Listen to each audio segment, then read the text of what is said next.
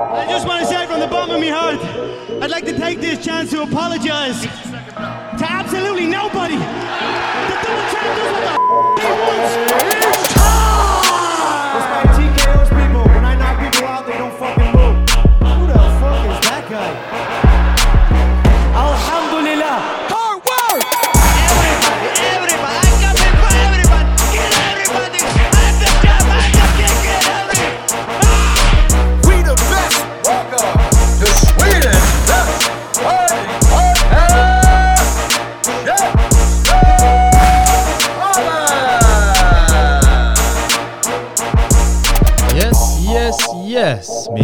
Damer och mina herrar. Damas y caballeros. Bienvenidas en ny avsnitt av Kässmenspodden. Mitt namn är som vanligt CM Andersson och med mig har jag... Andres Viracha. Yes. Hallå där. Hallå. Och idag har vi med oss Viaplays egna play-by-play-kille. Kommentator extraordinaire, kollega, Tim Sassivani. Välkommen! Välkommen! Applåder får man också. Tack så mycket grabbar. Vi har ju faktiskt publik här idag. Ja, publiken går loss alltså. Ja. Nej. Nej, men jag förstår i vilken, eh, av vilken egenskap det är att jag får sitta här, men jag vill börja med att jag är i första hand ett fan av MMA. Och ja, som ett fan av MMA så följer man ju de medier som finns att tillgå. Det är liksom eh, hemsidor, poddar och sånt. Det finns inte jättemycket sånt, men Maximum Sports. ja, jag prenumererar på Maximum Sports och Käftsmällspodden såklart. Yes. Yes, så är vi börjar. Då har du kommit helt rätt. Ja, det är lite dåligt med poddar, men man kan fortfarande räkna på en hand hur många det finns. Ja, Ja, faktiskt. det är väl, svenska. vad är det? Det är väl Käftsmällspodden, Käftsmällspodden, vad heter den andra? Käftsmäll- Käftsmällspodden, just det. Käftsmällspodden. Ja, vi täckte upp hela omfånget. Just det. Nej, såklart finns det MMA-podden va? Ja, Som och det är ju fantastiskt bra som jag sa till dig Andres, att eh, Paul och MMA-podden finns för att då eh, måste man liksom jaga varandra lite och leverera. Ja, precis. Och, Sen att eh, Sebastian och Paul, de gör ett jäkla bra jobb också. ja, ja. Så att det, det är trevligt, jag lyssnar på det. Mm. Och det är samma sak med nyhetssidor, jag menar om man får nämna dem, eh, Maximum Sports, det följer med, det har man liksom som en favoritsida nu också. Sen har ju de klassiska, du är MMA-nytt och Kimura som alltid varit med i ett hörn. Och Och det, från Kick Online som står väldigt Frontkick nära oss Online, just det, Mm. den har vi också. Så att, ehm, ja det börjar växa upp lite men eh, det har ju varit ganska skralt historiskt sett. Fighter Mag också, den glömmer man bort ibland. ja, de är OGs. Mm. OGs i gamet. Shoutout till Fighter Mag, Fighter Professorn, TV. professorn är där. Mm. Professorn Sant. Köller. Mm, exakt, professorn. Han brukar komma hit och läxa upp oss ibland, det gillar vi. Ja, det gillar vi.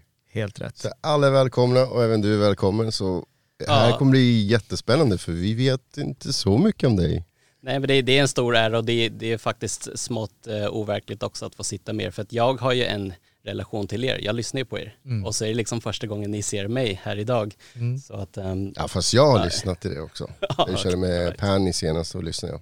Eh, nej men jag, eh, Tim Sassivani, född och uppvuxen i Sverige, thailändsk påbrå, därav det långa efternamnet. Södermalm, tre barn.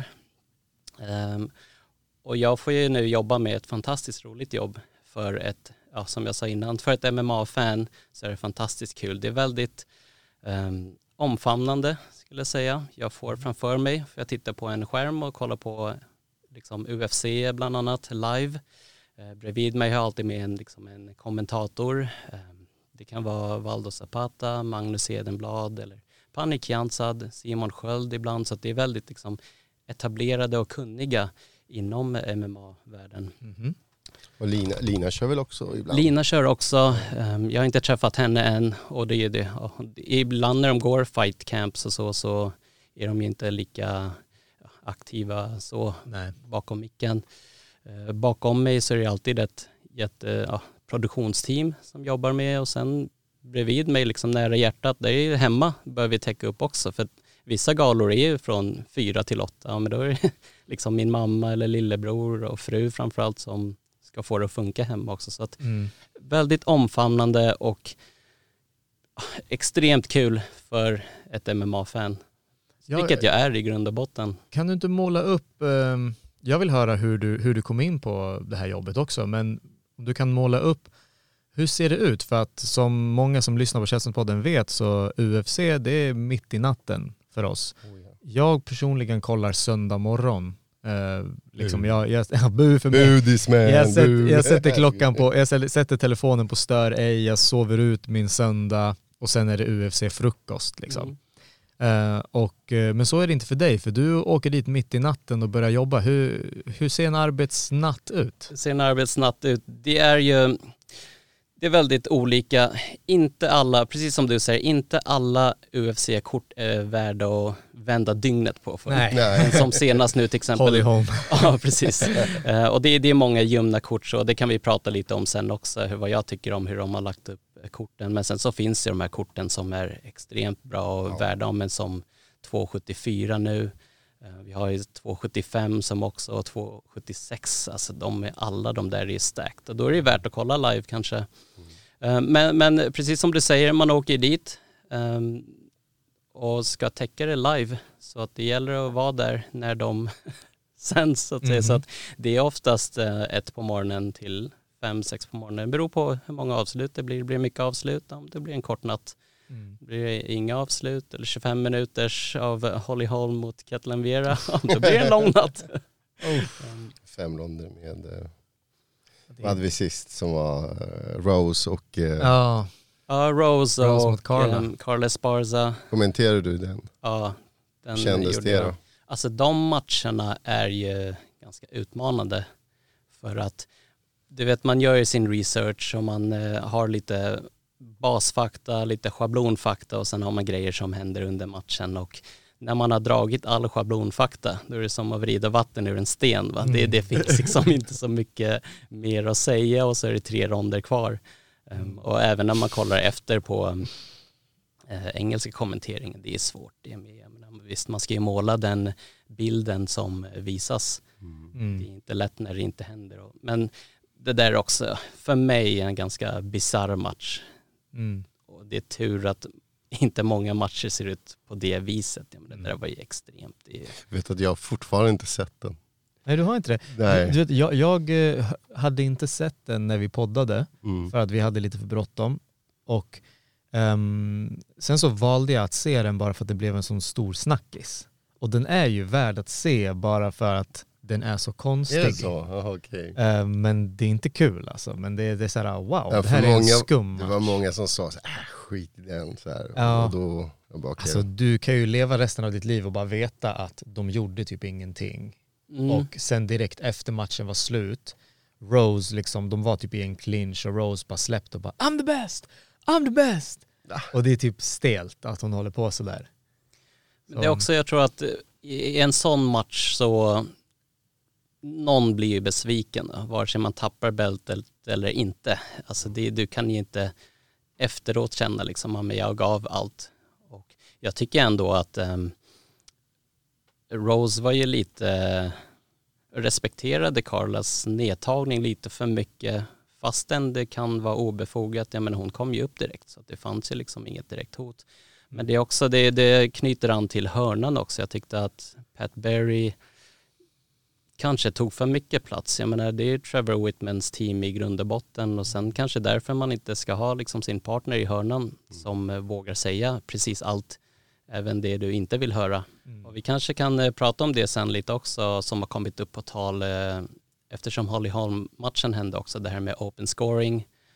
Jag kommenterar ju Invicta också, där kör de ju open scoring där de kommer upp med iPads mellan ronderna, med vem är det som leder. Det är ganska intressant Ja. ehm, liksom, ja, men, att veta hur det går till för att men det, domarna är ju människor. Ehm, Så att det är klart, det, det, de, man kan se på saker på olika sätt. Liksom. Eh, Sen tycker jag att dömningen har ju blivit bättre. Inte varje nedtagning är värt något. Förut var det två nedtagningar som har tagit ronden nästan. Eh, Nu är det nedtagning, ja, har du inte gjort någon skada, ja, men då, då värderar de det inte så mycket. Men open scoring som Invicta har, då ser man i alla fall, ehm, ja men en rond till dig, en rond till mig, då avgörs det i tredje. Då, då kan man ta risk liksom. Det, det, alltså jag har faktiskt inte tittat på Invicta.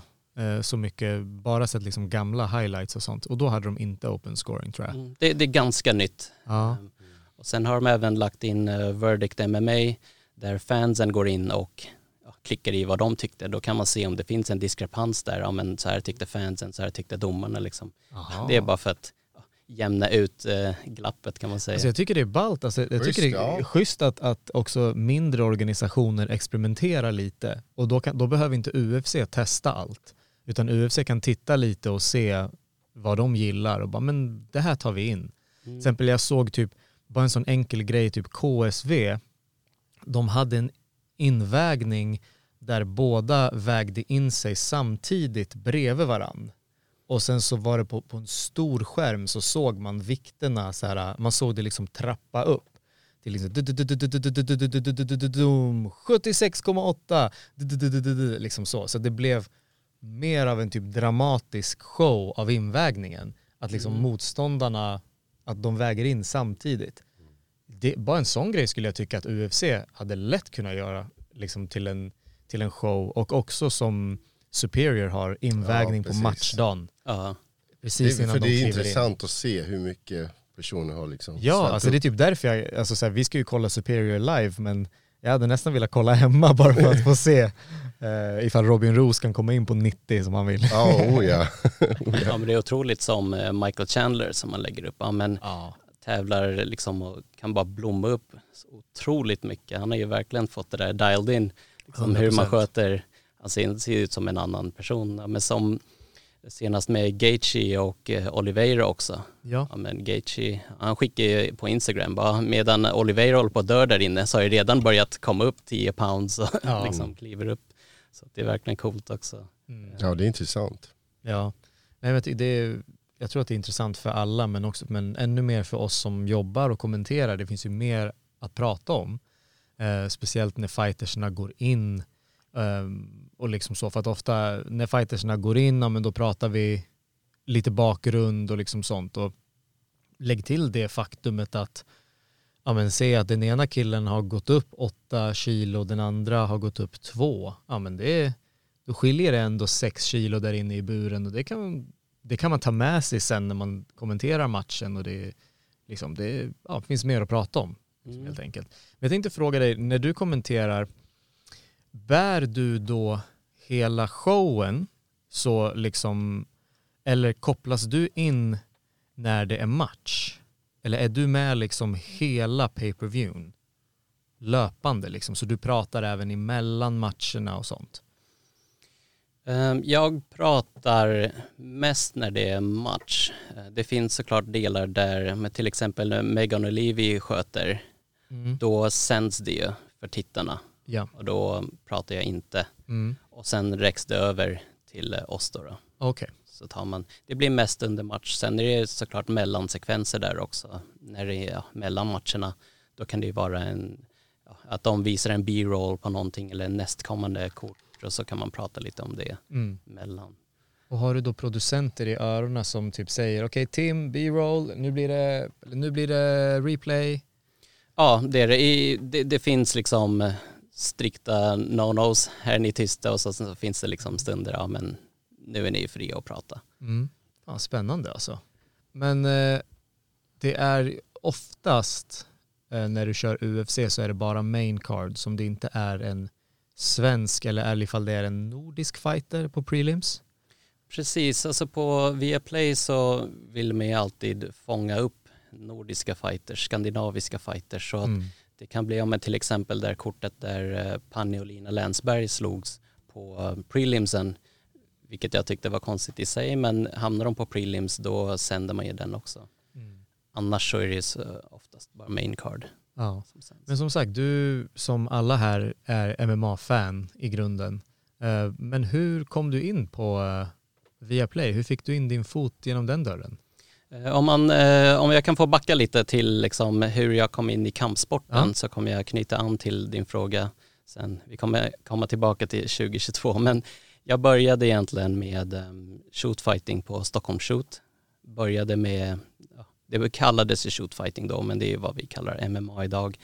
Eh, på den tiden, det var ju Slussen då, då hette det Stockholm Shoot. Det var Andreas Michaels var ju boxningscoach där och Alexander Gustafsson, han var liksom i avancerad gruppen, Nick Komosoki, så jag började den vägen. Ehm, ett gäng eh, år in så gick jag sen på MMA Academy. De hade en summer camp där man kunde testa liksom ett eh, fighterliv kan man säga, där man tränar eh, flera pass i veckan och bara levde och åt bra och det fanns liksom återhämtningsmöjligheter och allting, liksom bara testa ett fighterliv. Och där fick man liksom borra djupare in i de olika stilarna. Så det fanns Jörgen Krut hade muay thai, Valdo Zapata hade brasiliansk jiu-jitsu, George Scott boxning och sen Omar hade ju då MMA. Så att jag började, efter det campet var klart, då kände jag att alltså BJ, brasiliansk jiu-jitsu, speciellt för Valdo Zapata då, då som fortfarande är min eh, huvudcoach, det var den vägen jag ville gå. Det passar bäst för min personlighet. Så att jag, jag förstår att vissa går i andra vägen. De börjar med liksom muay thai och sen så går man över till MMA. Jag, gjorde, jag började med MMA. Jag trodde faktiskt du skulle säga muay thai just för att du har ett thailändsk bakgrund. Och... Ja, man skulle kunna tro det men ja. titta på mig, jag är inget eh, monster direkt så. så att, eh, nej, det, ja, jag, jag blir trött i armarna. Så, det, det. Eh, så muay thai är svårt. Jag har aldrig liksom fattat tycke för det. Och det, det, det är mycket personlighet det har att göra med också. Eh, För mig svartnar det inte. Och så börjar jag veva liksom. Ehm, Blev liksom mer, eh, ja, då, då passar, BJ kan passa en bra där man kan eh, växla upp och ner och ganska cerebral, tänker mycket och det, ja, ibland behöver man fatta snabba beslut om någon vill slå dig i huvudet liksom. Så Mm. då tänker jag att ah, BJ och liksom just Valdos sätt att lära ut också, han har väldigt bra förståelse för det mekaniska, liksom, vad som behöver uppfyllas för att du ska kunna- göra den här eller hålla fast någon. eh, Det, det är inte bara göra för att göra, göra det man har sett, utan ja, men det finns liksom, människokroppen funkar ju på ett visst sätt och förstår man det så blir det lättare. Så att jag, jag föll för den pedagogiken och då gick jag all in på BI. Mm. När var det här? Det här måste ha varit ungefär 2008. Mm. Stockholm shooten där, det är 2003, 2004 ungefär. Shit, OG alltså. Och då har jag följt, eh, följt UFC då, sen dess egentligen. Väldigt ensamt, svårt att hitta, alltså man hittar ingenting att titta på ens. Det, Mm. det man får ju liksom, ja, det sändes ju gratis ett tag förut, jag tror att TV4 eller TV10, där man kunde kolla. Mm. Sen så det fanns så. det lite på nätet liksom. så, ehm, och det var ingen som fattade vad man höll på med, vad var det, burslagsmål. Ja, Mm. Men jag har följt eh, ända sedan dess. Mm. 2008, det var ju då eh, Never Back Down kom också med, med Amber Heard bland annat. Ja. Ja, just det, det var ju om... Ja, det, var, det, var, det, det var min ingång. det var din ingång, just Men det. det, det, nu pratar vi inte om mig, men, men, det, men det, det var min ingång. Ja, precis. Så Ehm, 2008. Ja, och sen så fast forward 2022, eh, det blev ju som ni känner till en vakans i eh, Viaplay kommenteringen. Eh, så att, och, och så här, när vi, innan vi tränar på, eh, klubben heter SPR som jag tränar på. Det är Mm. två sidor, det är slåss på riktigt och så är det stark på riktigt. Det är liksom en eh, crossfit-del och sen så är det en eh, kampsportsdel Mm. Innan träningar då sitter vi ett gäng liksom och pratar om MMA, sitter med Vald och kollar liksom. Och det här händer liksom år in år ut och folk går förbi och hör så att eh, när den här vakansen dyk, dök upp då, då, då fick jag frågan liksom, skulle inte du vilja testa kommentera? Eh, jag vet inte hur du känner det CM, men föds man till kommentator riktigt? Jag, jag tror inte att det är ett yrkesval som man bara, men nu vill jag kommentera eller liksom, det, det är liksom en blandning av flera olika skills som man sen Mm. kan måla en bild med kan man ja, säga. Ja, det är det. Verkligen. För det finns ju mig veterligen inga högskolekurser liksom eller Nej. så för kommentering. Ehm, Men jag fick i alla fall den frågan och tänkte mycket på det och så tänkte jag, ja, men jag, jag testar. Jag skickar in mitt CV och så får vi se hur det blir Mm. helt enkelt. Eh, gjorde det, hörde ingenting. Eh, och det var ju pandemi då också. Ja. Så då tänkte jag, ja men då är det väl liksom ingen som vill träffas egentligen.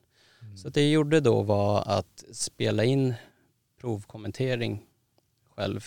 Mm, det vill jag jag, höra mer om. Jag, jag satt själv i min bil egentligen för det var tystast miljö Mm. och slog upp en match, spelade in säkert över hundra tagningar för att jag gillar inte min egen röst. Så, eller så här, du vet, när man lyssnar på sig själv eller ser sig själv i tredje person, det är, ja, jag vet inte, jag är inte den som tycker så, ja, men det här är grymt. Mm, det är Ehm, lite speciellt. Ja, så att eh, spelade in massa tagningar, skickade in det, hör ingenting, hör ingenting, men fortfarande är med och liksom försöker lära mig mer om hur det funkar och så.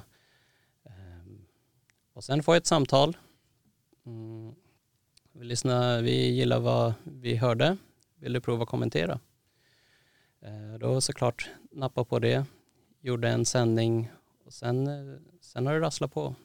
Fått ehm, flera möjligheter och det, det, man blir ju inte riktigt, man är inte bra direkt utan det är någonting man lär sig varje, Ja. det, det, det finns ju egentligen som med alla jobb så behöver man ju lära sig och utvecklas. Så just med kommentering, det finns inte jättemycket praktikmöjligheter eftersom det är livesänt. Ja, precis. Mm.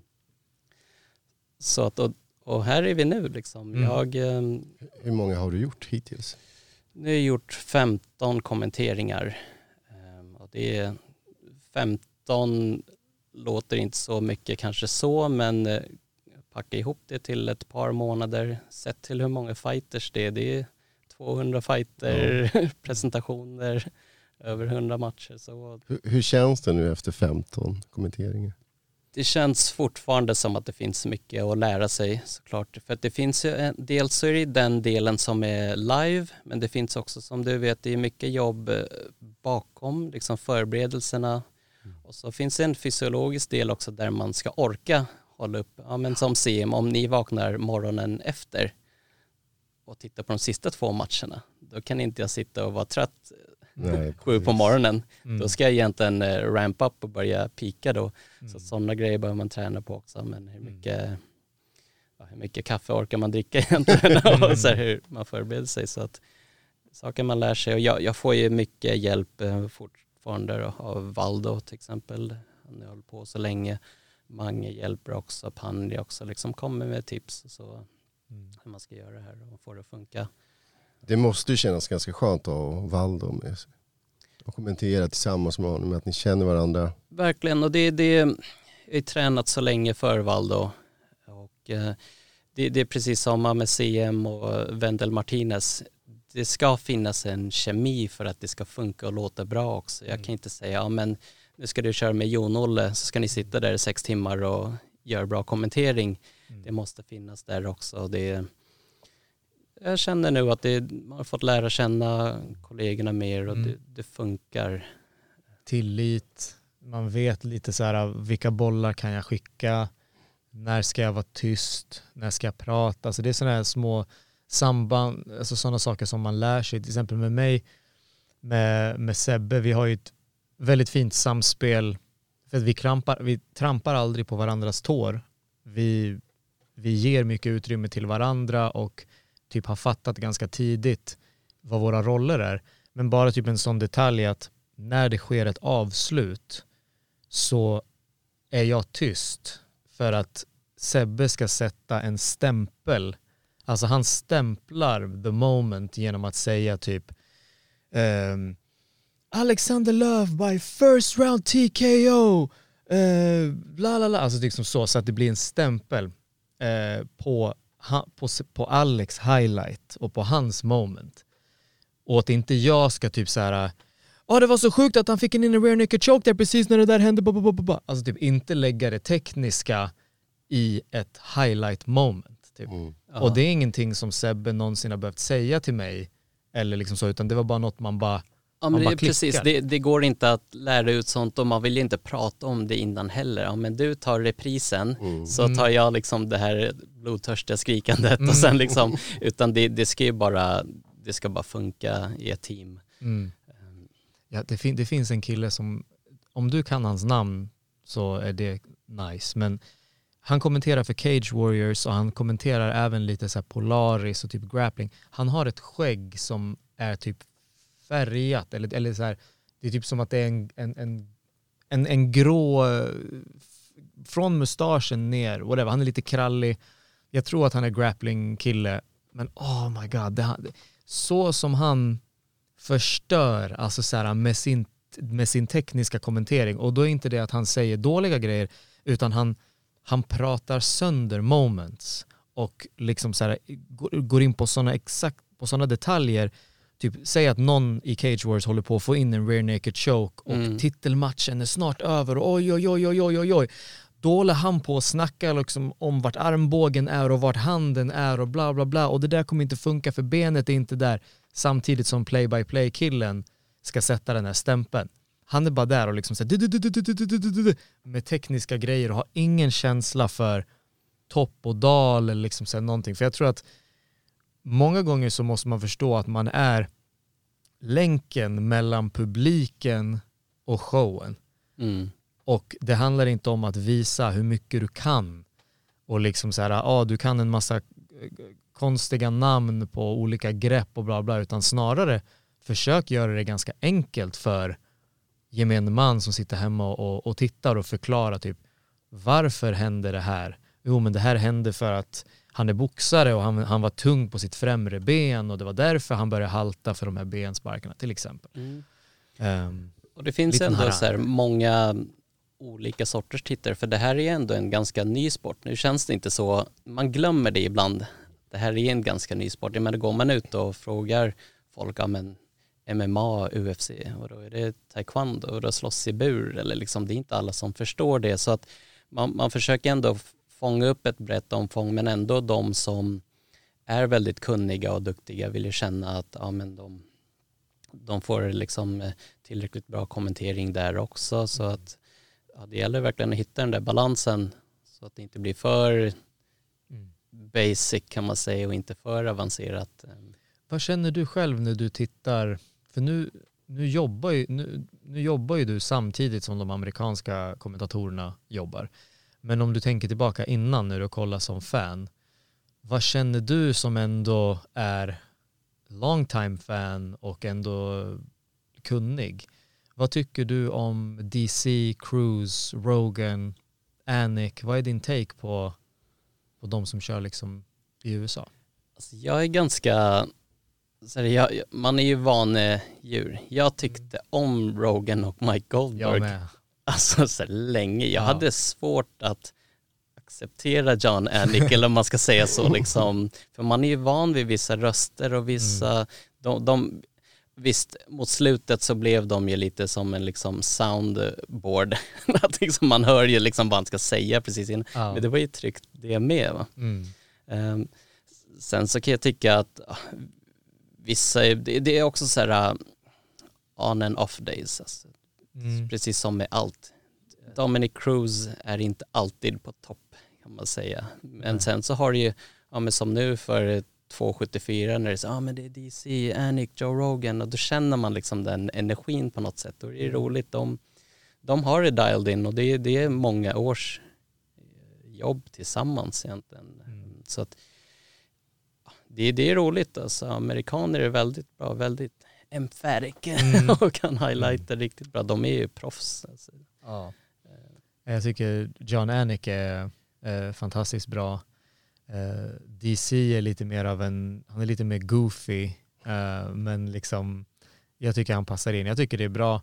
Eh, Dominic Cruz gillar jag, men jag kan förstå om man tycker att han blir lite för torr och lite för typ så. Men jag, Det jag har svårt honom. för Dominic Cruz det är att när han gör vissa konstiga grejer i sändning liksom, kan Ja. ja. Rose, eller det, det blir lite halvtjafs, det, det tycker jag att liksom man tar efteråt. Ja, han brukar ju tjafsa med typ Bisping. ja, typ Ja precis, eller DC också. ja, ja. Små pikar hit Ja, de, de, ha- kommer du ihåg det när de hade sin, eh, eh, sin, sin beef när eh, D, eh, Cruz kritiserade eh, DC Ja. publikt och sa att Att och bara så här, ah, han hade en kille, han betalade en kille att göra research åt honom och allt det där och så. Ja, men det, det gör man inte i sändning, det kan man ta efteråt liksom, bara Ja. grabbar liksom. Och det, det, det, det är sånt jag kan tycka är lite konstigt. Ehm, Men det är live och det är människor, det är känslor, det, det är klart. ehm, Ja, sen är det liksom, det slinker igenom, så blåses det upp. Har Viaplay testat tre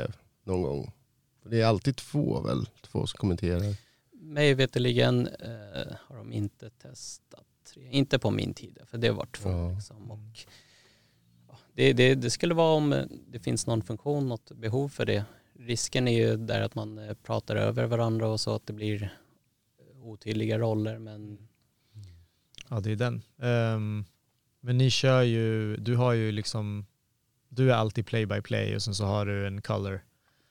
Och för de som inte vet det, color, det är det som jag gör när jag är med Sebastian och det är ofta en gammal atlet, eh, typ expertkommentator eh, som har mer fokus på det tekniska. du får kalla dig själv för expert också. Ja, det är det- snart så kanske, men, eh, ja, men lite Ja, mer. jag, jag tror att du, du gjorde bara den här Oh, oh, Ja, oh, exakt. oh, oh! Det är det. Det ja, det det. kanske, kanske den tredje ska vara, the hype man. Jag kan vara det hype är, det är det som, eh, som, som Davor klipper ut. Det är Ja, det ja som är kul. precis. Ehm, De är, det är härliga. men, Jo. men, men du slipper ju det som jag tycker är det svåraste med kommenteringsjobbet. Det är eh, pre-fight, eh, alltså pre-show eh, snacket framför kameran. Mm. Eh, om du har kollat på FCR eller ja, främst FCR för då är det mest, nerv, mest nerver. Men när kameran är på oss Ja, och ni, vi står framför. Ni behöver ju klä upp er. Ja men precis, exakt. Vi står där i kostym och hör, vet du det, mikrofonerna ekar ju över hela arenan och det är musik liksom dum dum dum dum dum och bara Welcome to the beautiful city of Västerås, Sweden! Och så ska man snacka upp de här fightersarna i små liksom bitar. Den, den delen tycker jag är det svåraste. Jag tror, har du intervjuat en fighter efter eller är det Sebbe som gör det? Bara Sebbe. Ja, det måste ju vara otroligt svårt också att liksom få en, ja okej, kom ner i puls, ja, ut med tandskyddet Ja. och ställa liksom relevanta frågor som någon, ja, de har ju tagit smällar i huvudet. Ja. för guds Ja, skull så helst ska ska de de bli liksom, knockad också så man kan gå fram med liksom ska ställa frågor. exakt. Ja, de där Eller uttorkad som Sebastian uttorkade direkt efter invägningen. Ja. Ja. Helt, ja. Ja. Nej, det, du, du sa det innan vi började spela in att du, eh, vi snackade om Sebastian som den eh, kanske hårdast arbetande eh, i det här spacet. Eh, shout out till Wendel Martinez, eh, announcer, kommentator, reporter, skribent. Mm. Nej, men om vi kliver in i Sebastian hyllningssegmentet här Ja. så jag, alltså jag är ett fan där med. Jag MMA-nytt var ju bland de första sidorna för mig i alla fall. Liksom. MMA-nytt, Kimura, jag vet inte vilken som kom först, men det var de som fanns där och då när man följde och ja, till och med internet var ju ganska nytt. Jag kommer ihåg förut, man vaknar, slår på datorn, går på muggen, sen kommer tillbaka och ser datorn på och så kan man börja läsa liksom. Ungefär på den tiden och ja, nej, men Wendel Martinez, han är en otroligt bredd i vad han gör för svensk MMA. Jag tycker ändå att eh, Maximum Sports, där har ni en väldigt tydlig nisch att lyfta upp, lyfta fram det svenska. Eh, och det är otroligt viktigt för den här svenska scenen. Jag tycker varje gång något sådär, ja, men nu, nu kan det vara Hamzat som drar i loket, men varje gång han går och gör en sån bra vinst, då fylls det på med nya talanger i klubbarna. Jag hoppas att MMA-klubbarna känner liksom, nu fick vi fler nya elever och det är det som bygger framåt. Och sen så, ja, allt som vi kan göra runt omkring, förutom att gå in och slåss, det, det vill man ju liksom jobba hårt med och, och lyfta och hylla i mångt och mycket. Mm. Ja, min pappa har alltid sagt till mig att om någon får din, dig att stanna upp och fångat upp din uppmärksamhet, då är du skyldig dem någonting.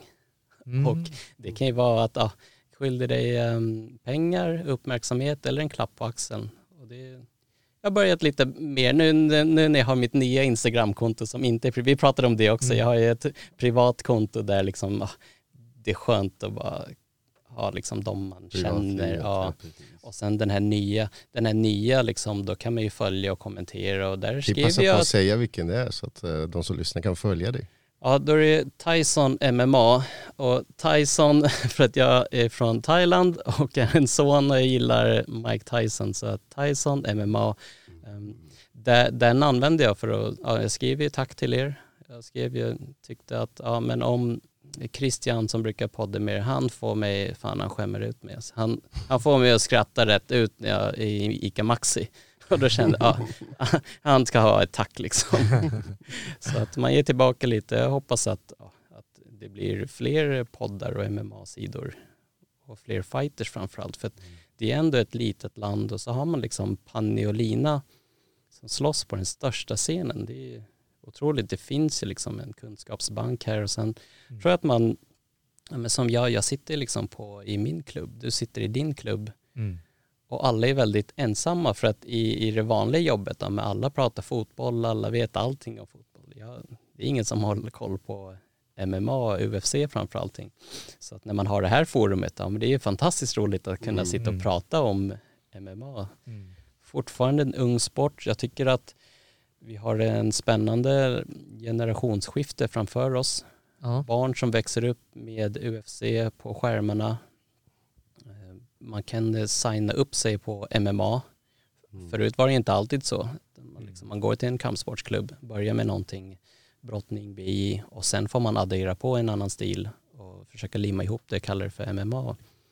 Nu finns det med, Rory McDonald var väl en av de första liksom hybrid-rena fighters men nu finns det mer sånt. Så. Mm.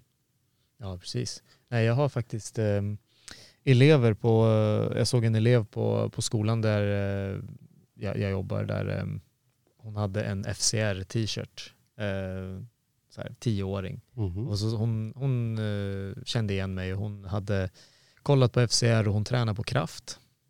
Eh, Mm. Så ja, hon kände ju liksom till eh, kraftgrabbarna. Eh, så folk börjar tidigt. Eh, och eh, ja, Fan, hon var modig. Alltså jag, jag ska vara ärlig, jag, ehm, jag coachade våra barngrupper liksom i en eh, BJ-tävling i Haninge. Eh, Och efter den tävlingen då kom ju alla vuxna och tävlade. Då såg jag dig i CM, men fan jag vågade inte gå fram och hälsa. är det så?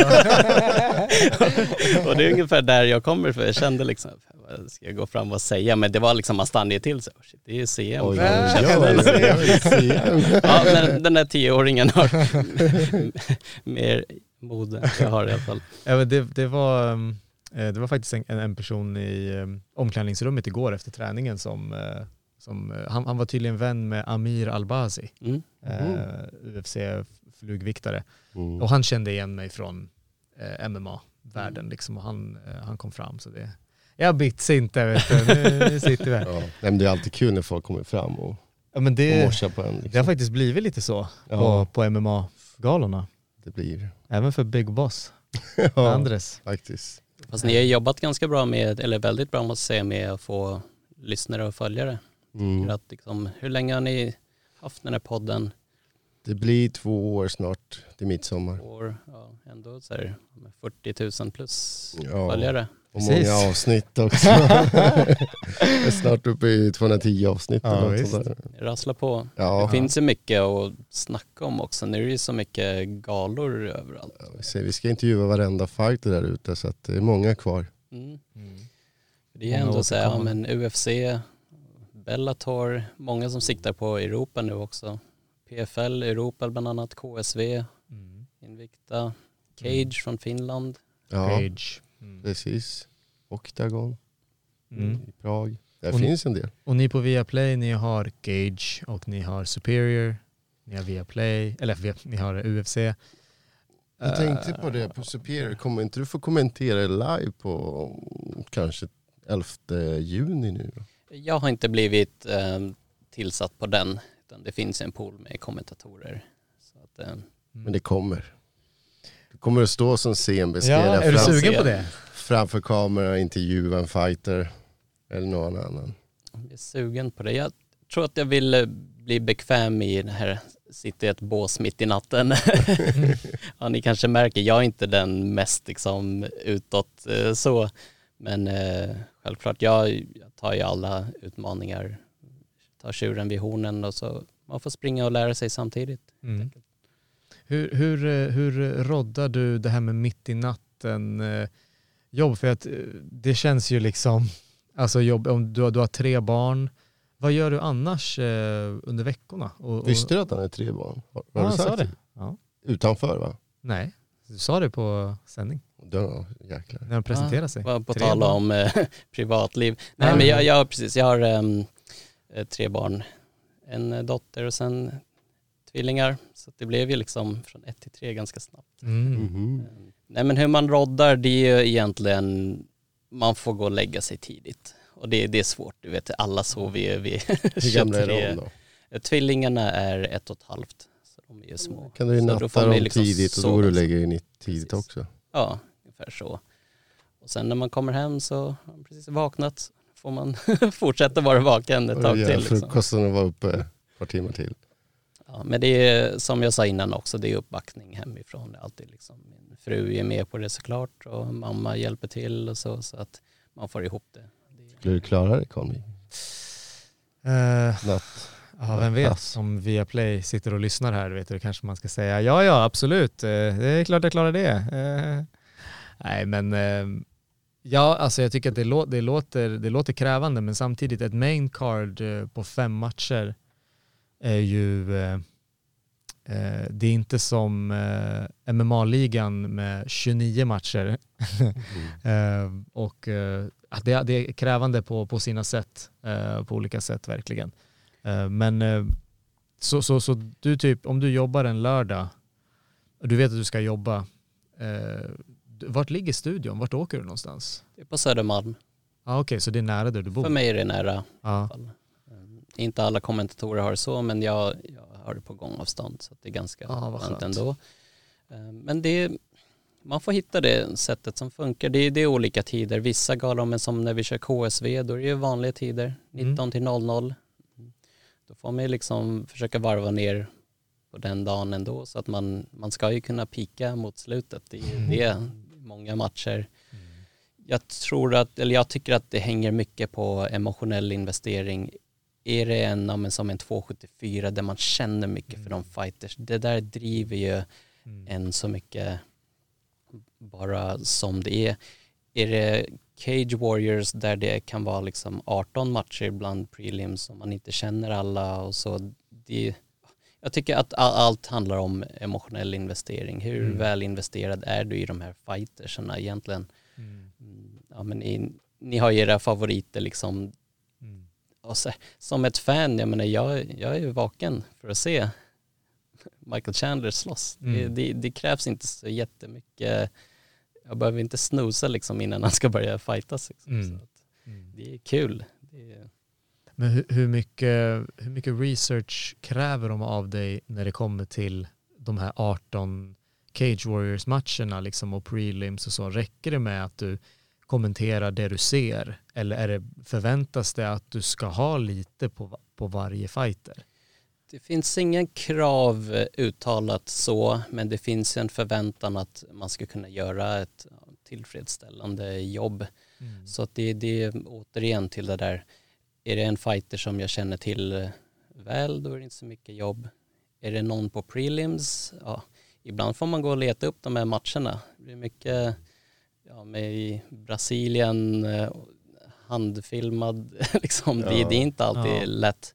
Men man försöker ju bilda en uppfattning av vad det är för slags fighter och sen det finns inte alltid om alla, men det är som när ni kommenterar också, vissa fighters är svåra eller så har de liksom ett, ja, men, 2-2 i record liksom, finns Mm. inget och då, då får man ta det för vad det är egentligen. Så är det mycket på FCR till exempel, eller Excellence och, och sådär. Där är det ju fighters med sådana records som du precis sa. Och eh, då, då gör man liksom lite research, men det, det förväntas ju att vi ska ha gjort research Mm. eh, på alla. Men det var det jag tänkte ifall, ifall det är annorlunda för dig. Att det kanske är okej att ja, men när den här 2-2 fighten från Belfast som ska gå en prelim match på Cage Warriors kliver in mot buren så kanske inte du behöver veta ifall han är striker eller grappler Utan det räcker med att du kommenterar det du ser. Ja men den här matchen eh, kommer bli spännande. Han är från Belfast, han är 22 år gammal. Bla. Skulle säga generellt för play by play så är det ju viktigare att man har koll på de bitarna egentligen. All the record, liksom allt stats som finns bakåt.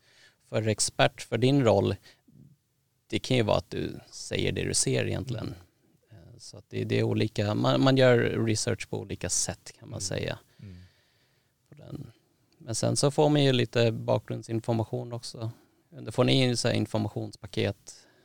Nej, För det är eh, det fixar vi själva. kördag och sånt. Fördelen är att du får intervjua dem här ibland. Ja, precis. Det, Det är, är- det är faktiskt lite mycket. fusk. Ja, och då tar jag med mig vissa grejer som de har sagt eh, i sändning. Det är ju jättelyxigt. Mm. Men nej, inte Och det, det tror jag är de bästa, jag menar de eh, UFC-kommentatorerna, John Anik, de har ju sådana här fighter rooms, fighter meetings Ja. innan och då, då har de ju massa guld som de Precis. kan plocka fram vid Ja. behov. Ja, Men det är, du ska inte veta vad de har för favoritsmak på glass.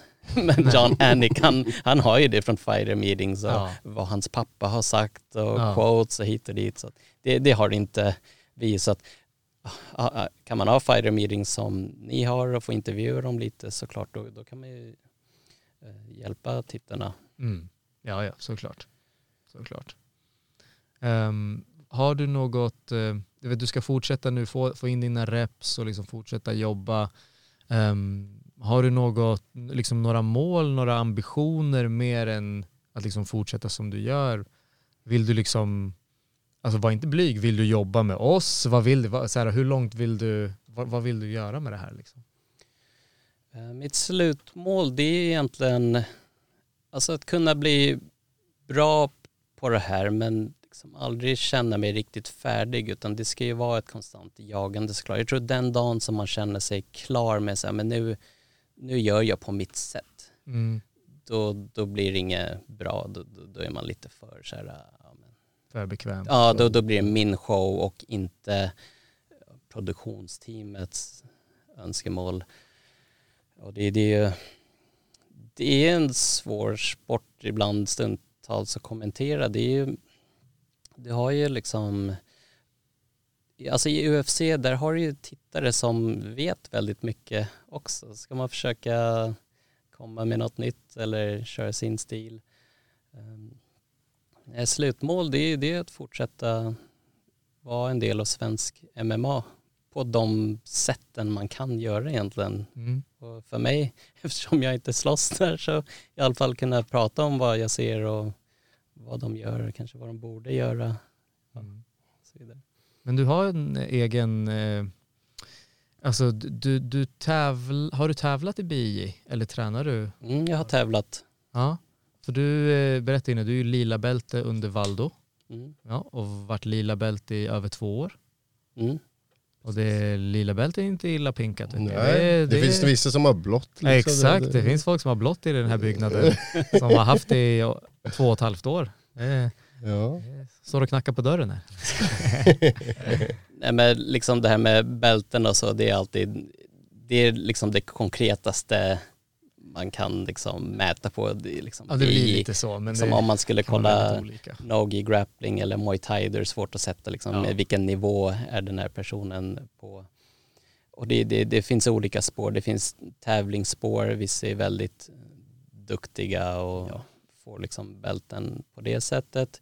Jag är mer instruktörsspår kan man Mm. säga, så att eh, cerebral tänker mycket, förstår mycket och det, det är liksom det känns skönt ändå att få någonting för att ha följt den här sporten så pass länge och att liksom ändå att kunna koka ner och hjälpa.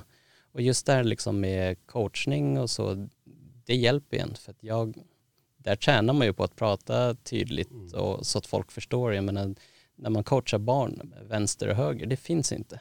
Mm. Det är liksom, det, det, det är borta, det ska liksom funka där då. Så att jag tror alla, liksom allt sånt ackumulerat gör att just nu för mig i alla fall att jag känner att jag kan göra det här jobbet på ett ganska bra sätt. Jag vet Mm. inte riktigt om man ska säga så. Mm. Ehm, Men en spännande sport vi har framför oss. Alltså om jag får använda det här forumet till att fråga er någonting. Startades ju 1993 UFC. Mhm. den ledande frågan har ju varit liksom vilken stil är bäst? Tror du nu att vi har kommit närmare något svar?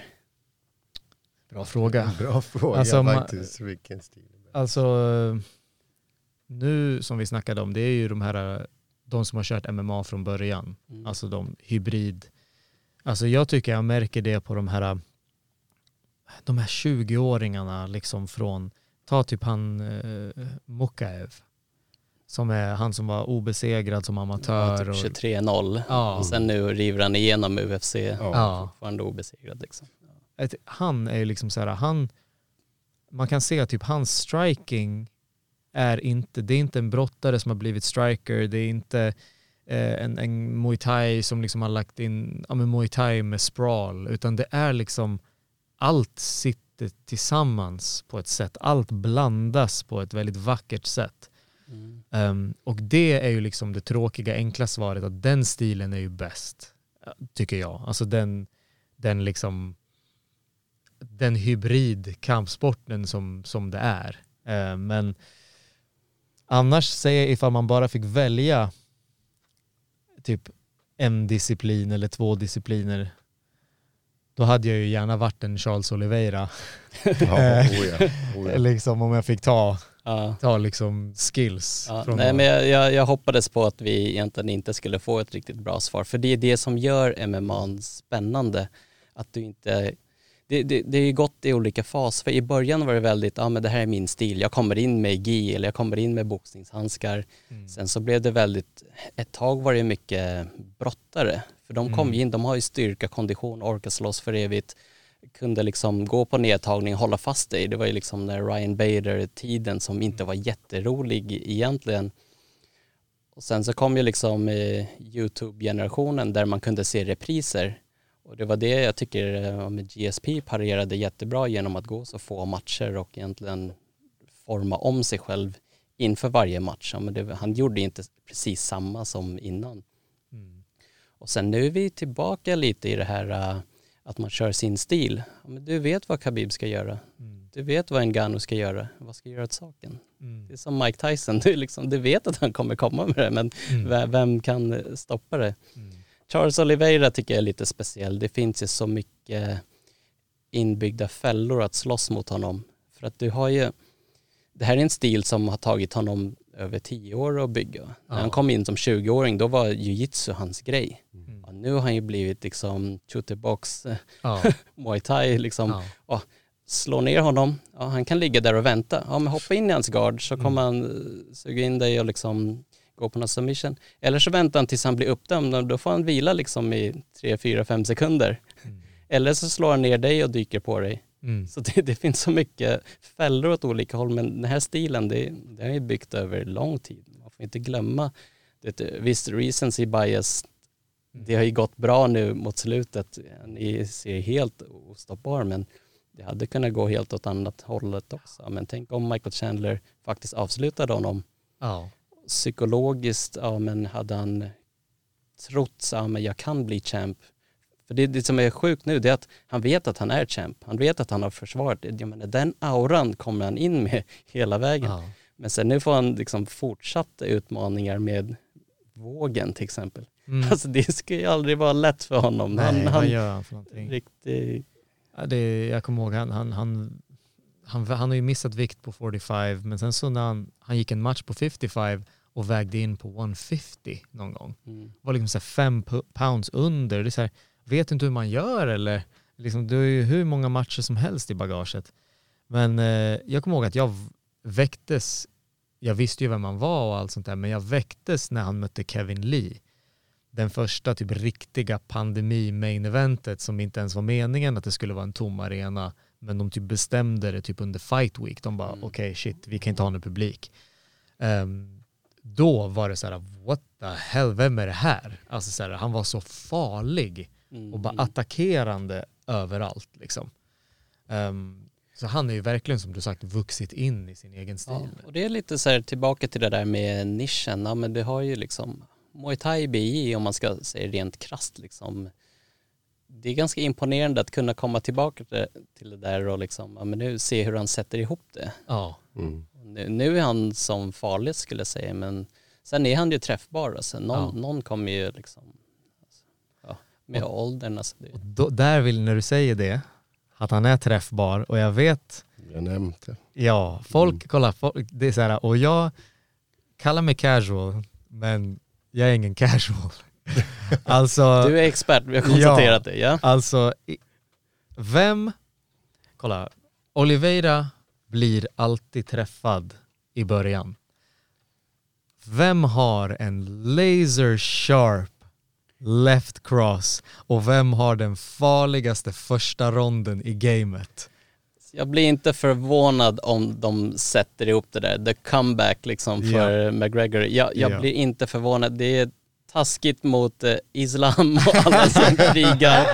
Jag blir inte förvånad för att på något sätt så, det här är eh, entertainment. Ja. Ja, Det, det, och UFC är så bra på att sätta ihop matcherna som fansen vill se. Ja, Jag menar rankingen är en grej, statistiken är en grej. ja. Det som fansen vill får man ju oftast. Så att, ja, vem vill inte se den matchen? Precis, vem vill inte Och se sen, den? Ja men tar han bältet?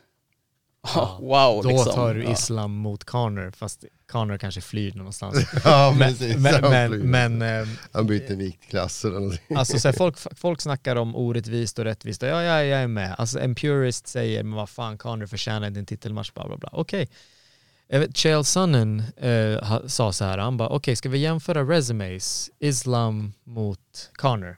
Och han bara, okej, Islam Makhachev. Eh, Han bara, ah, eh, eight fight win streak, obesegrad sedan det här året, bla bla bla. Så här många pay-per-views. och så tog han Conor, han bara, Conor, eh, featherweight champion, eh, lightweight champion, interim featherweight champion. Eh, på topp 10-listan av pay-per-views så har han typ åtta. Mm. Liksom. Och eh, vem vill du helst möta? Eller vem har bäst eh, resume? Liksom så här, och bara jämför det så krasst. Och jag, jag fattar den grejen. Eh, sen tycker jag, och jag har tyckt det ända sedan 2020 när Connor kom tillbaka med bakåtkammat hår och en annan attityd och en större frame. Connor mot Masvidal. Connor mot Masvidal. Den, den, den skulle skett för två år sedan tycker jag, efter att Connor kom in och avslutade cowboy och Masvidal var, hans aktie var så hög efter hans eh, 2019 Mm. som han hade haft där med Darren Till, Ben Askren och eh, Diaz. Där skulle de ha gjort den. Ja. Men den tycker jag funkar idag. Vad känner du? Men det är också så här att den, när man sätter fightersarna, de får bestämma. Vem tror Charles Oliveira kör? Ska han ta Michael Chandler, Islam eller Red Panty Night Ja. med Connor? Nej. Såklart han går den. Det är väl som Ja. Poirier, ja men vill ha bältet eller vill ha money? Ja. Ja, han gick ju money i vägen. Och sen kan han utmana om bältet ändå. Det, till, i slutändan, alla blir äldre. Man vill ju väl, eh, alla är ju prize fighters till slut. Sen, sen tycker jag de borde göra den i Rio, men det kanske är svårt. Men när José Aldo och Conor skulle mötas, de skulle mötas i Rio, så drog eh, José Aldo ur sig den matchen. Han blev skadad eller vad. Så jag skulle gärna vilja se den i Brasilien i någon stor arena, Maracanã eller vad det är. Men Ja, det eh, var skulle vara häftigt. Men jag tror också att ja, men Connor, den, eh, det året när han öppnar, var det 2020 när han öppnar med Cerrone, Ja. avslutar honom på det sättet. Han skulle ju gå, det var hans season, han skulle ju gå Ja. tre matcher det året. Ja. Sen kom det pandemi ja. och det satte liksom grejer off track De lite skulle grann. den ändå. De shelfade honom på grund av att han drar så mycket publik. Ja. De bara säger vi kan inte ha en Connor-match. Liksom så här. Men han var ju, han var ju hungrig. Liksom. Han, Ja. det är, Sen tror jag liksom Masvidal, Connor och Nick Diaz, de är liksom, nej Nate Diaz förlåt, de är en separat ö. De får Mm. göra vad de vill. Det, det är liksom, De får kalla sina shots. Michael Chandler är lite där också. Han är typ den enda som kan torska och ändå få slåss mot den han vill liksom. mm. För att han är ju rolig att titta på. Chandler mot Connor hade varit fett också. Ja, Tony Ferguson var ju där också, men inte längre kanske, eller? Nej, nej kanske inte just nu va? Jag tycker synd om Ja. Ferguson. Det, det, I första ronden där, det fanns glimtar av gamla Ferguson. Jag tyckte han såg bra ut, men ja. Ja. sen, så blir, det- sen så blir man en meme typ. Det, Ja. det är så här otroligt tufft. Och det, det var ju precis det Michael Chandler behövde också. Jag menar, han, eh, han behöver ju vinna också, inte bara jo, göra roliga fighter. Va? Så att, eh, Så är det. det var det han behövde karriären. Ja. Ja, men Conor är alltid ja, dragplåster. Det är, Ja. Alla vill se så här. Antingen så vill man se honom vinna eller så vill man se honom förlora. Men Det det, är blir ju pay per view bajs. Ja. alltså det är roligare när han är med. Så är det bara. Ehm, sen så jag, jag är en sån där som, jag följer honom när han har match. Mm. När han inte har match då tycker jag att han är så jävla tacky och vi, vi har en vän som vi, som vi tränar med som är eh, filmregissör och han var i Cannes nu, Mm. filmfestivalen och han, säger, han berättade för mig igår att han såg Connor där. Connor är ingenting på Cannes filmfestival att göra men han kom dit på, på sin yacht och bara klampade omkring. Och jag, jag fattar, du har liksom tjänat alla pengar i världen och liksom så du gillar att gå runt med dina blekta tänder och liksom hålla på. Men för mig, jag, jag är inte ett fan av den Connor. Jag, är, jag, jag tycker att det är kul när han har match. Mm. Liksom så det, det, det är då jag liksom checkar in och jag tycker MMA-världen är roligare när han är med. Liksom. Ja men helt klart och det, är- det är det som är grejen med UFC. Just det här, ja men tittar du på en sport, en idrott eller tittar du på liksom underhållning, det kommer alltid behövas lite WWE Ja, liksom injektioner i. För att om du vill kolla på ren idrott, ja, men kolla på PFL till exempel.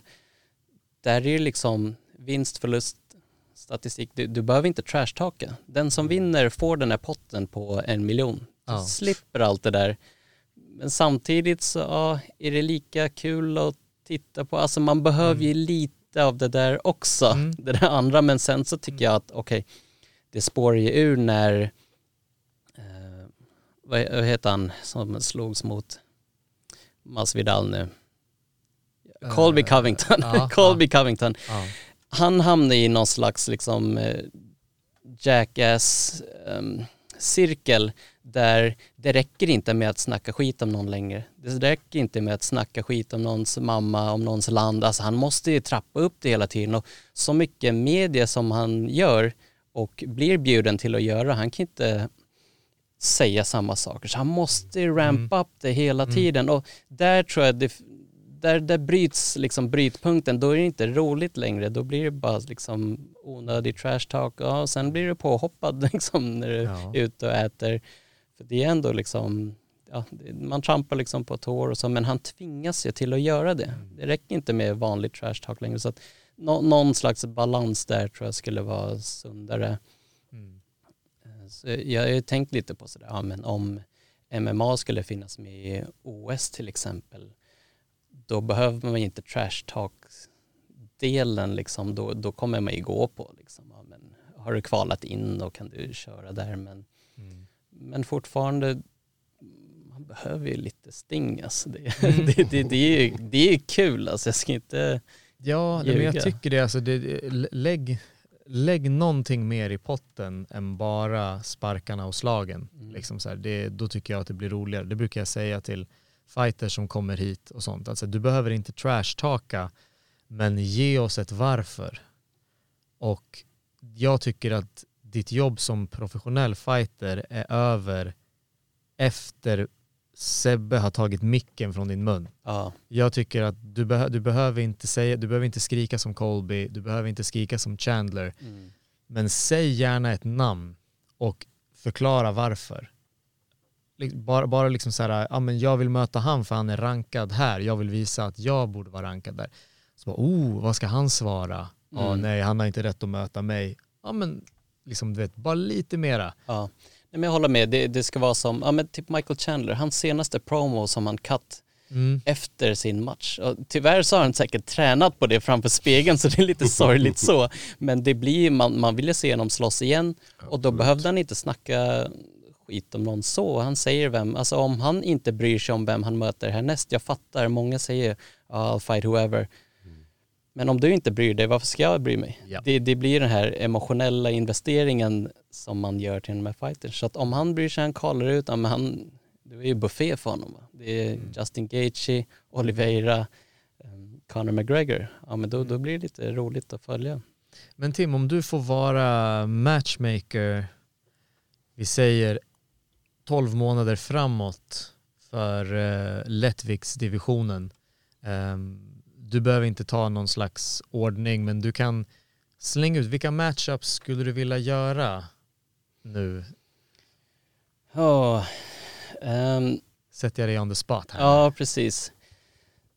Nej men jag tycker ändå att, Det är lite oklart just nu. ja det är Finns ingen väldigt oklart.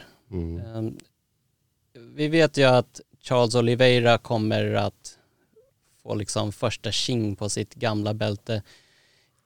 Jag ser gärna honom, alltså Connor är fortfarande spännande. Jag, jag har inget emot egentligen att ha honom mot någon av dem men ja, rent formatmässigt så kan vi ta honom och så, alltså Chandler vann ju precis, alltså Alltså, man brukar göra så att de som vann liksom möter varandra och sen så de som förlorar möter varandra. Men nu tycker jag också så här, ja men Gaethje mot Tony Ferguson, det blir ju bara sorgligt. Alltså han är ju liksom så högt rankad. Mm. Men jag tycker att um, Islam Makachev borde få, nå, någonstans vill jag se honom mot Benil också. Mm. Osäker på hur statusen är på honom men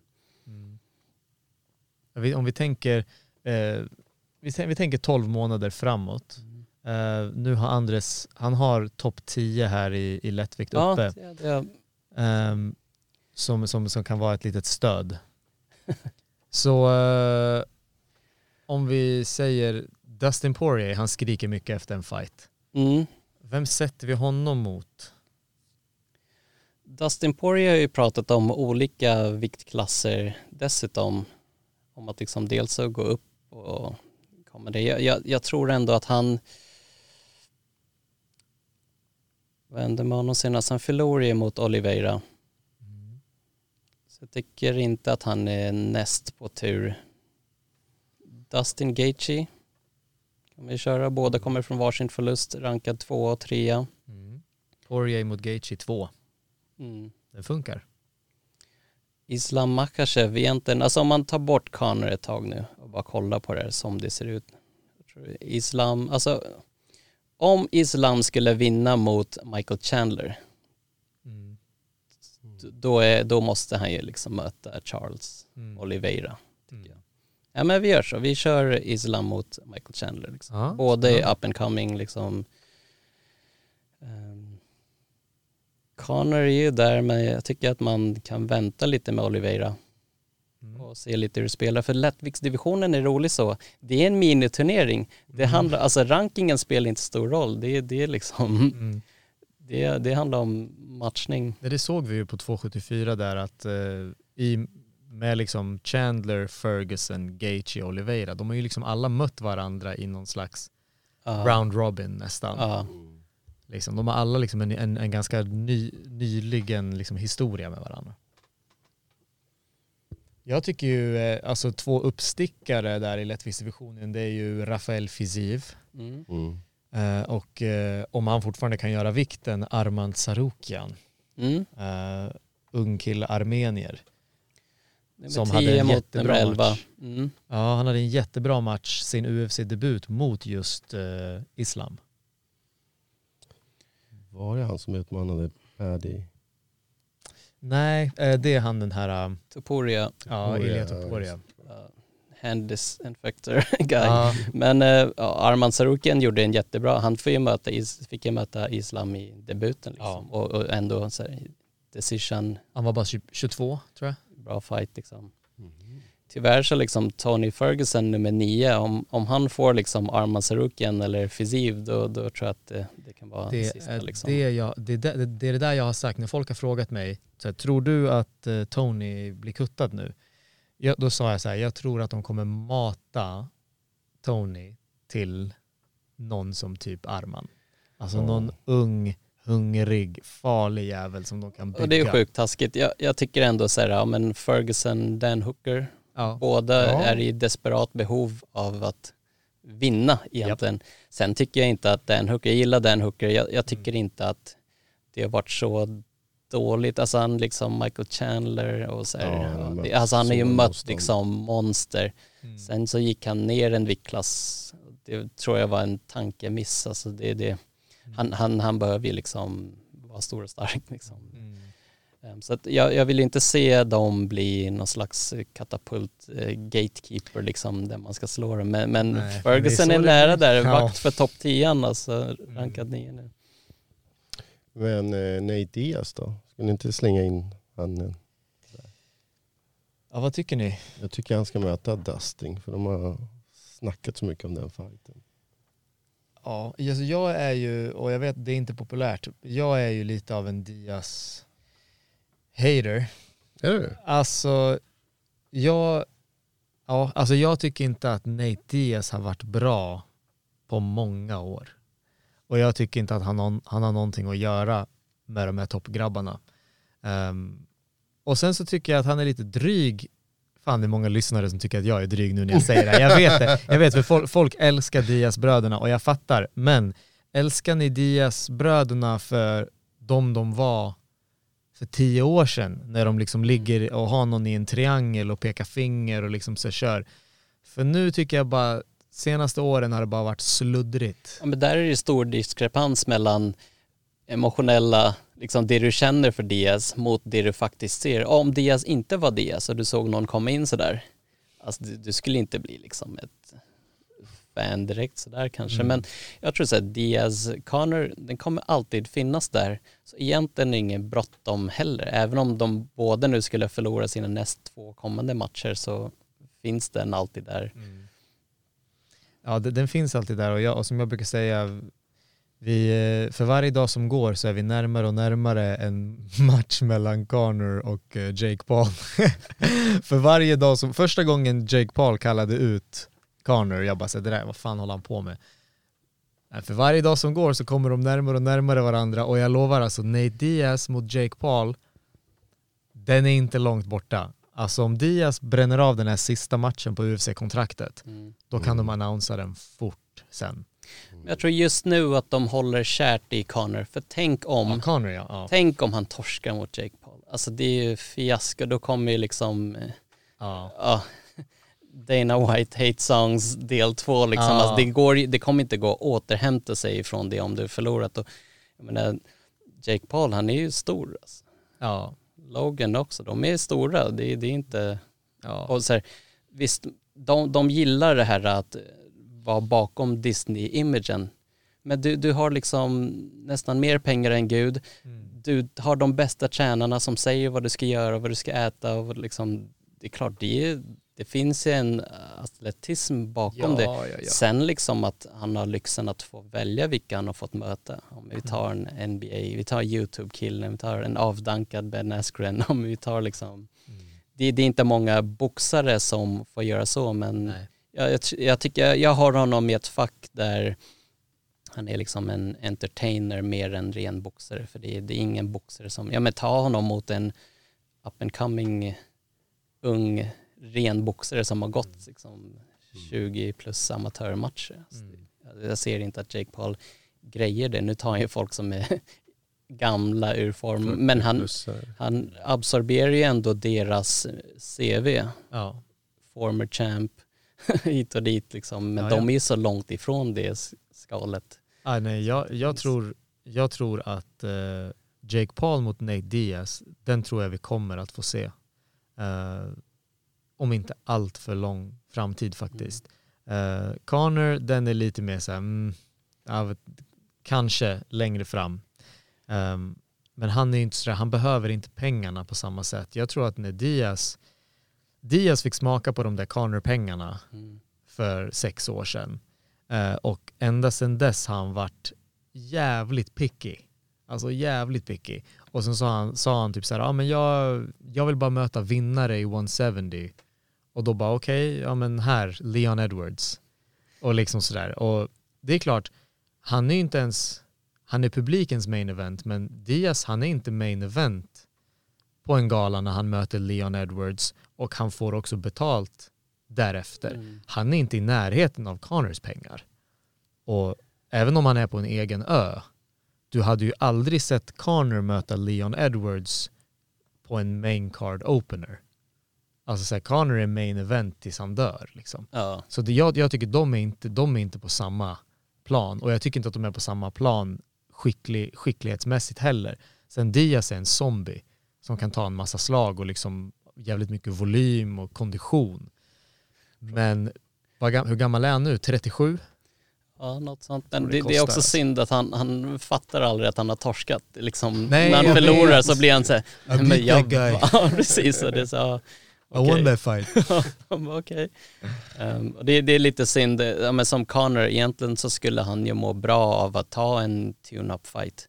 Men han är ju för stor för det, så att han är ju fast i det här main event och då, då måste han vinna. Alltså det, det, han måste vinna Eller, fighter eller för ge att... han Tony Ferguson. Jag tror inte... Ge han Chandler istället. Chandler är en winnable fight för Connor. Men den blir stormig.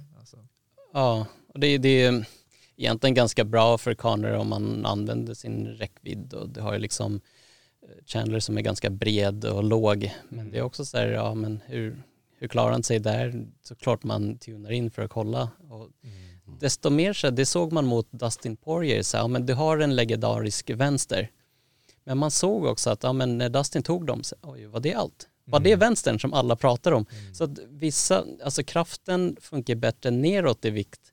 Så jag tycker inte om att han pratar om welter. Jag fattar att han har vuxit in i liksom den ramen nu. Mm. Men det, det är lite som så här, men John Jones, han är perfekt för lätt tungvikt. Ja. För att han har ju alltid, han är alltid längst, han är bra räckvidd och han är inte värsta liksom, knockout-maskinen men han använder ju sin frame och sin längd på bra sätt.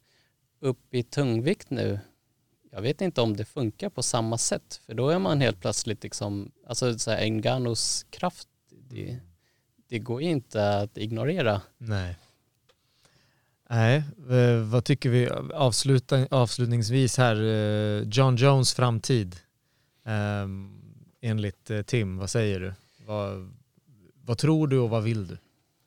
Jag tror att, jag, jag ville se honom mot Ngannou såklart. Det är final boss Ja. på något sätt. För då är man liksom the baddest man on the planet. Det går inte att ta det ifrån honom. Jag tycker att Stipe kommer, Stipe-matchen är bra för du har ju inte den största tungviktaren och ändå liksom har liksom ett jättebra CV-record som John Jones nu kan ta. Så att den matchen kommer svara många frågor. Är han fortfarande lika kreativ och rörlig? Biter hans slag? Respekterar de hans brottning? För att det är det han har använt så bra. Sparkar och kicks och han, bryr de sig om det eller kommer de bara ta dem och fortsätta ruscha liksom? Um, tungviktsdivisionen är ju rolig nu igen. Det finns Mm. jättemånga på väg upp och liksom. Tom Aspinall, Tom Espinal, jag absolut. tror han kommer vara svår för många faktiskt. Mm. Men, men eh, John Jones han har varit borta två och ett halvt år snart. Alltså John Jones, hans största fiende det är ju han själv. Alltså grejerna Mm. som han gör utanför buren. Jag kommer ihåg när jag tittade på honom förut. Han var ju glad för att han fick bo på ett hotellrum. Bara, Shit, det finns ett piano här. Ja. och så här, tyckte att det var jätteroligt. Nu är han ju bara, håller på och skallar polisbilar och ja. grejer. Det, Ja. Ja. ja, det, det är distraherande för att han, han är ju medfödd talang liksom. ja, men verkligen. Superfighter liksom. Superatlet, ja. Mm. Ja. Nej, fy fan. Jag, hans matcher mot DC var typ live på Fight Pass häromdagen när jag gick in på Fight Pass och så rullade de liksom så. Så då kollade jag faktiskt på den, den som blev en no contest eh, 2017, eh, den andra matchen mellan dem. Alltså det är, det är sjukt vad svårt DC har mot, mot Jones. Alltså, alltså Jones frame, hur han fightas och hans, när han droppar honom med den här eh, high kicken och sen så börjar han bara swarma honom med slag. Så jobbig ground and pound och så här, uh, uh, vilken jobbig kille att möta liksom. Jag tycker att, ja men som i lätt tungvikt om man ska dra som exempel, ja men nu, nu när det blivit liksom maktskifte där uppe, nu, nu springer alla in och, ja men nu har ju Alexander Gustafsson, ska göra en run nu också, Mm. jag menar, ah, Glover Teixeira på toppen, alla tror att de kan liksom ta tronen nu. Ja. Även Jones, ja men ska jag gå ner och ta den från Blahovic ett tag, liksom, man sa ju det väldigt tidigt. Det, Mm. ja, det, det är mycket som händer, det är roligt, det, det är kul att se mig som Amanda Nunes också, få se henne vara mänsklig. Ja, men hon, hon har aldrig haft det tufft på det sättet som Charles Oliveira haft, liksom, mött Nej. motgångar. Nu Mm. mötte han motgång, då fick vi se hur hon har hanterat det. Så att, Mm. det är bra, det är, det är, nu kör de ju The Ultimate Fighter, Mm. så då har ju alla andra tid att kliva upp lite i ranking och se vem som möter henne härnäst. Mm. Och eh, precis, du nämnde Teixeira där. Är det, är det nästa gång vi kommer få höra dig? På, på, när, är näst, eller när är nästa jobb som du kör? Alltså nu i helgen så är det KSV. Där har vi Mariusz Pudzianowski, världens starkaste man, fem gånger ska slåss. De har även tagit in, de, de marknadsför det här, de har en kille som kommer från kickboxning som har vunnit mot Adesanya och Alex Pereira. Oj! så att han ska liksom, oj. Alla använder eh, Israel Adesanya Mm. stenhårt och det kommer de ju göra nu med på nästa 275 va? då har ju Alex Pereira mot Sean Strickland också. Mm. Jag tror att han får liksom en free pass till eh, Adesanya Ja, om han nu vinner mot snabbt. Sean Strickland. Ja. Och det är lite så här, det är där UFCs matchmaking är så bra också. Varför sätta honom mot en grappler som kommer strypa ut honom och sänka hans aktie? Mm. Ja, men vi fortsätter langa strikers mot honom som han får liksom briljera Mm. och sen så kommer de marknadsföra. Sen, och jag vet inte hur han kommer klara sig mot Adesanya, det var ju jättelänge sedan men det kommer vara marknadsföringsmässigt eh, en dröm för Ja. produktionsteamet. Ja. Eh, Nej, men jag, jag KSV nästa, sen så finns det ju PFL. Mm. Eh, PFL-upplägget som de kör nu den här säsongen är också väldigt bra. Eh, Jag vet inte om folk har tittat mycket på PFL, det har ju varit svårt att hitta de matcherna. De har ju haft paus under pandemin, Ja. men det är många europeiska fighters. Sari Bosi, vi har ett gäng, Martin Hamlet från Norge.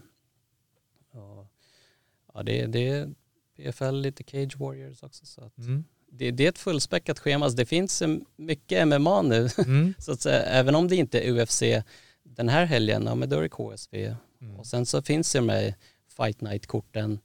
Och sen tycker jag att de här numrerade korten har blivit ännu starkare. Mm. Fast 274, 275, 276, de är ju helt Mm. stacked. Alltså. De är roliga. De är roliga. Ja, Alltså du, du håller dig upptagen. ja, Ja. På, helgerna Hur bra, hur bra är du på att komma ihåg alla matchkorten, numrerade? Alltså jag, Jag tänkte på en utmaning Ja. till CM. Ja, jag är inte på den nivån. Jag, jag hörde när ni hade er tävling med liksom, det där, alltså du, du, du måste ju gå och kolla upp det där. Alltså. Jag är inte på den nivån. De eh, matcherna, fram, eller de korten som jag ska jobba med, där har jag liksom jättebra koll på allt. Så att man, man växlar där. Men det där kommer kanske. Speciellt när det går rundgång, alltså som KSV, vi har några rematches, ja men då kommer jag, då kommer jag ihåg vad som hände där och det, det hjälper ju kommenteringen också såklart, när man har kört ett tag. Är det bra? Eh, har du någon eh, käftsmäll som du vill dela ut? Jag menar du är ju en avid listener, du vet att vi alltid rundar av med en eh, käftsmäll. Ja, jag tänkte på det där käftsmäll och jag, jag är ingen eh, käftsmällare men fan, en grej jag störde mig på det är fan pollen. Alltså. Ah, Får man käftsmälla pollen? Ja, det får man. ja, okej, då gör vi det. Veckans käftsmäll. Ja, är, där. är du allergisk? Ja, som bara den. Så var det den. Ja. Ja. ja det är för jävligt. Tänk dig på vintern ska man gå och vara förkyld. Ändå så hörde man inte det. Nej. Nej men nu, nu regnar det lite så det är ganska Ja okej. okej så, men vissa dagar då är det fan käftsmäll alltså. Ah. och, så kommer, vi- och så kommer våren och då, då får man pollen. Ja. Nej det är, det är för jävligt. Käftsmäll till pollen, jag håller med. Jag håller med. Eh, men du Tim, stort tack för att du kom hit. Kul att eh, höra lite mer om dig, kul att snacka lite eh, MMA, lite allmänt och eh, vi ser fram emot att höra dig på eh, massa olika galor här framöver. Mm. Nej men CM, Andres, ni ska ha tack. Det här är liksom ett bra forum och skönt för mig att få utlopp och få prata lite MMA också. Det är Mm. väldigt tacksam för. Så att eh, fortsätt, fortsätt göra det ni gör. Jag, jag, uppskattar det och jag ska fortsätta liksom skriva till folk som gör bra jobb Ja. och klapp på axeln om inte pengar eller uppmärksamhet. Och kom hit när du vill och snacka av dig. Du är välkommen Gå hit. in i inbjudan. tackar vi för. Får komma och, och recapa någon gala kanske om du inte ligger och sover. ja, precis. ja, precis. Bara åka direkt. Ja. Yes sir. Tack så jättemycket då. All right, tack ska ni ha grabbar. Oss. I'd like to take this chance to apologize to absolutely nobody. The double champ does what the f- he wants.